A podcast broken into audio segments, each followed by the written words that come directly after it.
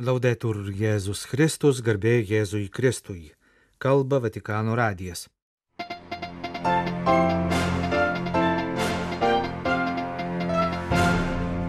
Baigėsi popiežiaus apaštališkoji kelionė. Prieš išvykimą iš Mongolijos Pranciškus susitiko su karitatyvinių organizacijų savanoriais. Iš Ulambatoro į Romą skrendančiame lėktuve įvyko tradicinė popiežiaus spaudos konferencija. Pagrindinė pokalbio su žurnalistais tema - daug emocijų sukėlė popiežiaus žodžiai prieš kelias dienas pasakyti rusų katalikų jaunimui. Šiomis dienomis minime Šventojo Jono Pauliaus II vizito Lietuvoje 30-asias metinės. Kaip pats Jonas Paulius II minėjo šią savo kelionę. Baigėsi popiežiaus apaštališkasis vizitas Mongolijoje. Lėktuvas iš Šulanbatoro oro uosto pakilo pirmadienio vidudienį vietos laiku, 7 val. ryto Lietuvos laiku, Romą jis pasiekė 16 val. Pirmadienio rytą įvyko paskutinis vizito programos susitikimas. Pranciškus aplankė šiaurinėje Ulanbataro periferijoje katalikų bendruomenės neseniai įkurtą labdaros centrą pavadintą gailestingumo namais. Jį oficialiai atidarė, susitiko su karitatyvinių organizacijų savanoriais ir jų globojamais žmonėmis. Buvau išalkęs ir jūs mane pavalgydinote, buvau ištroškęs ir mane pagirdėte.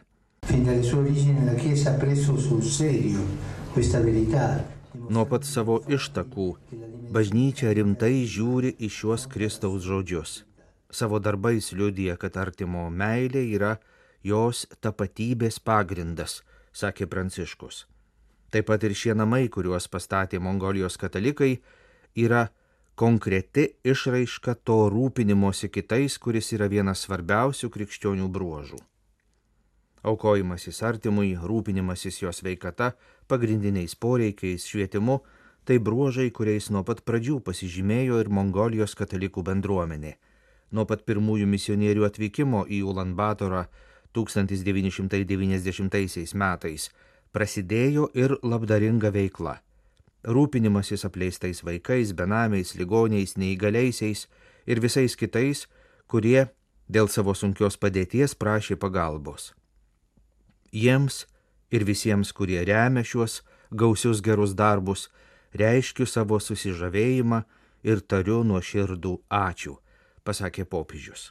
Ulanbatore pradedantis veikti karitatyvinės pagalbos centras yra atramos taškas broliams ir seserims, kurie stengiasi įveikti juos slegiančias gyvenimo problemas.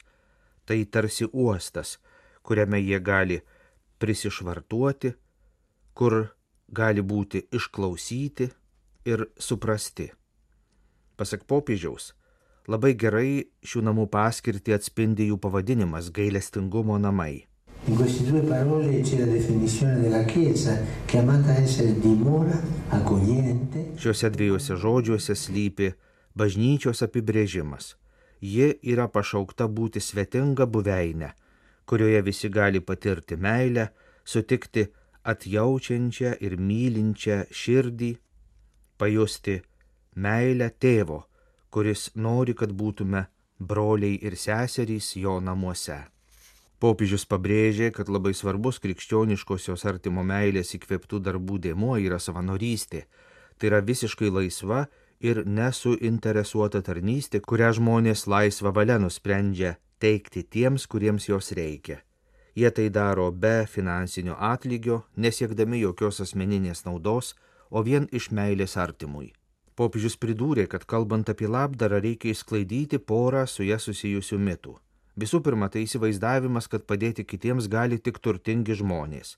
Iš tiesų yra priešingai. Nebūtina būti turtingam, kad galėtum daryti gerą. Beveik visada savo laiką, žinias ir širdį rūpinimui įsikitais skiria paprasti žmonės. Antrasis mitas, kurį reikia paneigti, yra tas, kad katalikų bažnyčia užsieima karitatyvinę veiklą iš prozelitizmo, siekdama patraukti į save žmonės, kuriems padeda. Tai irgi netiesa. Krikščionys padeda kitiems žmonėms, nori palengvinti kenčiančiųjų vargus, nes juose mato Jėzų Dievo sūnų. Ir jame kiekvieno žmogaus pašaukto būti Dievo sūnumi ar dukra orumą. Popiežius linkėjo, kad šie gailestingumo namai būtų vieta, kur įvairių tikėjimų žmonės, taip pat netikintieji, suvienyje pastangas su vietos katalikais gailestingai tarnautų broliams ir seserims. Per fare davvero del bene ciò che è indispensabile è un cuore buono. Norint iš tiesų daryti gerą, būtina gera širdis, pasiryžusi siekti to, kas geriausia kitam, sakė Pranciškus. Per spaudos konferenciją iš Ulambatoro į Romą skrendančiame lėktuve neišvengta klausimo apie daug komentarų sukėlusius popiežiaus Pranciškaus žodžius, pasakytus rusų katalikų jaunimui. Pranciškus sutiko, kad ko gero būtų buvę geriau neminėti kai kurių Rusijos istorijos personažų, tačiau pakartojo, kad jaunimas turi semtis įkvėpimo iš savo tautos kultūros. Popiežius taip pat pasmerkė imperializmą, kurio pamatas yra ne autentiška tautos kultūra, bet ideologija. Italijos žinių agentūros ANSA korespondentas popiežiaus paklausė, jūsų šventenybė neseniai sukėlė daug diskusijų, jūsų žodžiai jauniesiems Rusijos katalikams apie didžiąją motiną Rusiją, tokių asmenybių kaip Petras Didysis ir Kotrina II palikimą. Tie žodžiai, kurie papiktino ukrainiečius, taip pat turėjo pasiekmių diplomatinėje srityje ir buvo vertinami beveik kaip rusiškojo imperializmo aukštinimas ar netgi pritarimas Putino politikai. Tad norėčiau paklausti, kodėl matėte poreikį taip kalbėti? Ar pagalvojote apie tokių žodžių pasiekmes? Ar pakartotumėte tuos žodžius? Taip pat dėl aiškumo ar galite pasakyti, ką manote apie imperializmus ir ypač apie rusų imperializmą, klausė italas žurnalistas. Popiežius Pranciškus atsakė, pradėkime nuo konteksto, kuriame tai buvo pasakyta, per pokalbį su rusų jaunimu. Pokalbio pabaigoje aš į juos kreipiausi žinia, kurią dažnai kartoju. Prisiimkite atsakomybę už savo paveldą. Pirmasis dalykas - prisiimkite atsakomybę už savo paveldą. Ta patį sakau visur Šiuo įvaizdžiu stengiuosi skatinti dialogą tarp senelių ir anūkų, tegul vaikaičiai perima palikimą. Ta sakau visur ir tokia buvo mano žinia. Antrasis žingsnis, tęsė Pranciškus, aiškiai pasakyti, apie kokį paveldą kalbama. Ir iš tikrųjų aš kalbėjau apie didžiosios Rusijos idėją, nes Rusijos palikimas yra labai geras, gražus. Pagalvokite apie muziką, literatūrą, iki pat Dostojevskio, kuris šiandien mums kalba apie brandų humanizmą. Šis humanizmas išsivystė mene ir literatūroje. Toks, kalbant apie palikimą, buvo antrasis lygmuo. Trečiasis dalykas, galbūt ne itin laimingas, sutiko Pranciškus, kai kalbėdamas apie Didžiąją Rusiją, galbūt ne tiek geografijos, kiek kultūros prasme, prisiminiau tai, ko mus mokė mokykloje Petrą I, Kotryną II. Taip atsirado tas trečiasis elementas, kuris galbūt nebuvo visiškai teisingas, nežinau, tegul tai pasako istorikai. Man atėjo į galvą toks papildymas, nes to mokiausi mokykloje. Jauniesiems rusams sakiau, tęsė Pranciškus, kad reikia rūpinti savo palikimu, priimti savo palikimą. O tai reiškia, kad nereikia jo pirkti kitur. Priimkite savo paveldą, O koksgi Rusijos paveldas? Rusų kultūra graži, gili ir jos nereikėtų ištrinti dėl politinių problemų. Rusijoje buvo tamsių metų, bet paveldas liko toks pat - ranka pasiekiamas. Jūs taip pat klausėte apie imperializmą. Kalbėdamas jaunimui, sakė Pranciškus, aš negalvoju apie imperializmą, aš kalbėjau apie kultūrą o kultūros perdavimas niekada nėra imperialistinis, niekada. Tai visada yra dialogas ir būtent apie tai aš kalbėjau. Tiesa, kad yra imperializmų, kurie nori primesti savo ideologiją. Pasakysiu tik tiek, kai kultūra distiliuojama ir paverčiama ideologija, gaunami nuodai. Kalbama apie kultūrą, bet distiliuota, paversta ideologija. Reikia atskirti, kada tai yra tautos kultūra, o kada ideologija kuri atsiranda dėl kokio nors tautos filosofo ar politiko kalties. Tai sakau visiems, net ir bažnyčiai. Dažnai ir bažnyčioje dėgiamos ideologijos, kurios atplėšia ją nuo gyvenimo, iš šaknų kylančio aukštyn, atplėšia bažnyčią nuo šventosios dvasios veikimo. Ideologija negali įsikūnyti, nes ji yra tik idėja. Tačiau jei ideologija nugali ir tampa politika, ji paprastai priveda prie diktatūros. Ji tampa nepajėgi kalbėtis, sugyventi su kitomis kultūromis. Būtent tai daro imperializmai. Imperializmas visada konsoliduojasi ideologijos pagrindu. Taip pat bažnyčioje turime atskirti mokymą nuo ideologijos. Tikrasis mokymas niekada nėra ideologinis. Jis įsišaknyjas šventojoje tikinčioje Dievo tautoje, o ideologija yra atitrūkusi nuo tikrovės, atitrūkusi nuo žmonių. Nežinau, ar atsakiau jūsų klausimą, sakė Pranciškus. Per gana ilgą popiežiaus Pranciškaus spaudos konferenciją iš Ulambatoro į Romą skrendančiame lėktuve taip pat nemažai buvo kalbama apie patį vizitą Mongolijoje. Pranciškus sakė, kad jam buvo tikrai didelis džiaugsmas aplankyti mažą šalies katalikų bendruomenę. Klausiamas apie žinę iš Mongolijos pasiūstą į Kiniją ir apskritai apie Šventojo sosto santykius su Kinija, Pranciškus atsakė, kad santykiai remiasi abipusę pagarbą ir kad visi kanalai galimiems platesniems kontaktams yra atviri. Reikia stengtis geriau suprasti vieniems kitus, kad Kinijos piliečiai nemanytų, jog bažnyčia nepripažįsta jų kultūros ir vertybių, ir kad Kinijoje gyvenanti tikinčių bendruomenė yra priklausoma nuo kokios nors užsienio jėgos. Pasak Pranciškaus, labai gerai pastaruoju metu klostosi santykiai su Vietnamu.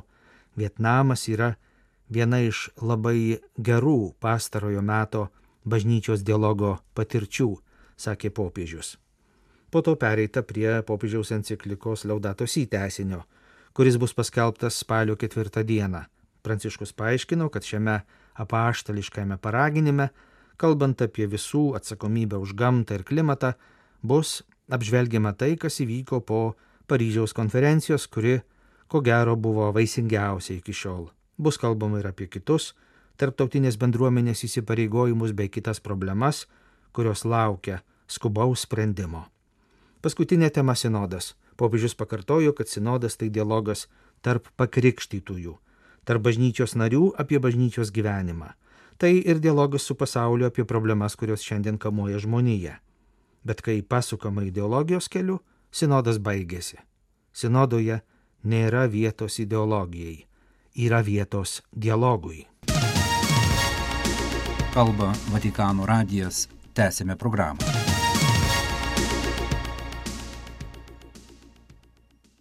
Grįžta atmintin neužmirštamos dienos praleistus Lietuvoje.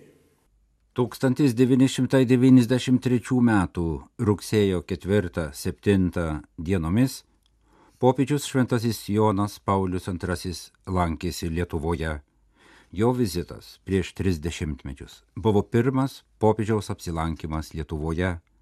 Kelionė į Baltijos šalis nuvedė popiežių taip pat į Latviją ir Estiją. Po Šventojo Jono Pauliaus II Lietuvoje lankėsi ir dabartinis popiežius Pranciškus. Rugsėjo 22-23 dienomis sukanka jo vizito penktosios metinės. Popiežius Šventasis Jonas Paulius II nekarto prieš istorinę kelionę kalbėjo apie savo didįjį troškimą aplankyti Lietuvą. Kartą viešai apgailestavo dėl Kremliaus sužlugdyto plano dar 1984 metais apsilankyti Lietuvoje, minint Šventojo Kazimiero mirties jubiliejų. Taip pat po istorinės kelionės popiežius Šventasis Jonas Paulius II nekartą išsakė padėką už jam suteiktą galimybę Vilniuje, Kaune, Šiluvoje ir ypač Kryžių kalne melstis su Lietuvos katalikais, su visais geros valios žmonėmis Lietuvoje dėkoti Dievui už atkurtą laisvę ir nepriklausomos valstybės gyvenimą, bei aptarti iškylančius ateities uždavinius visuomeniai, bažnyčiai ir valstybei.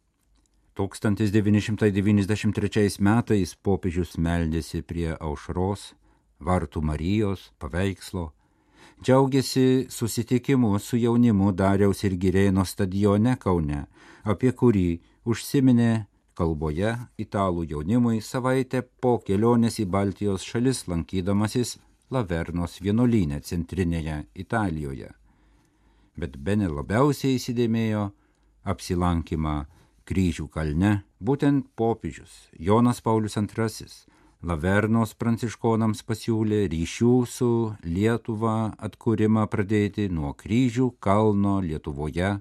Šventasis Jonas Paulius II pirmąjį po kelionės į Lietuvą didįjį penktadienį, užbaigdamas kryžiaus kelių apmąstymus prie kolisiejaus, dar kartą pasidalijo mintimis apie kryžių kalną, palygindamas Romoje pirmųjų krikščionių persekiojimus menantį koliziejų su krikščionių persekiojimus liudijančių kryžių kalnu, kurį pavadino kitu koliziejumi. Tai netolimųjų antikos Romos, o mūsų laikų pastarojo šimtmečio koliziejus.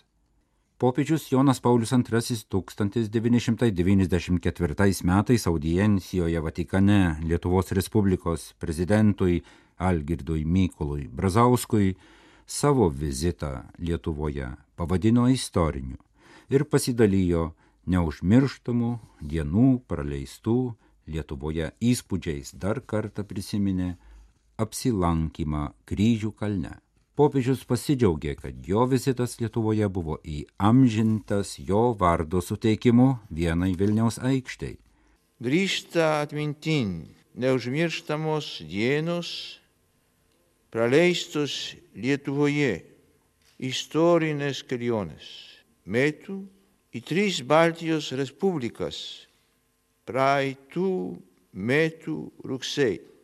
Sužinojau, kad ponorėjote įamžinti šį mano vizitą netoli apaštalinės nunciatūros esančios aikštės pavadinime.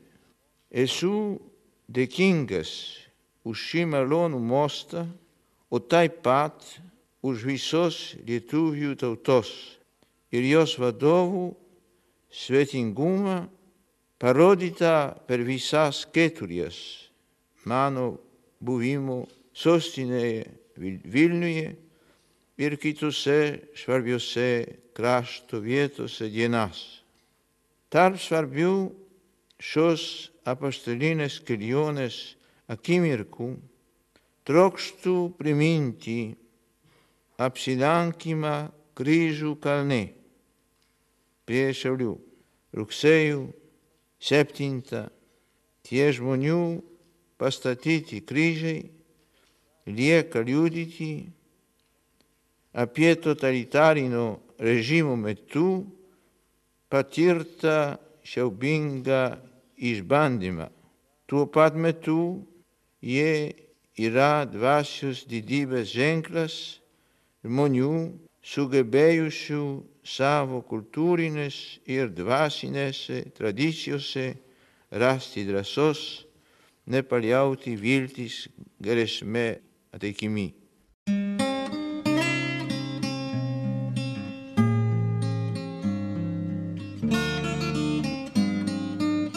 Kalba Vatikano radijas. Laidą lietuvių kalba baigėme. Garbėjai Jėzui Kristui, laudetur Jėzus Kristus.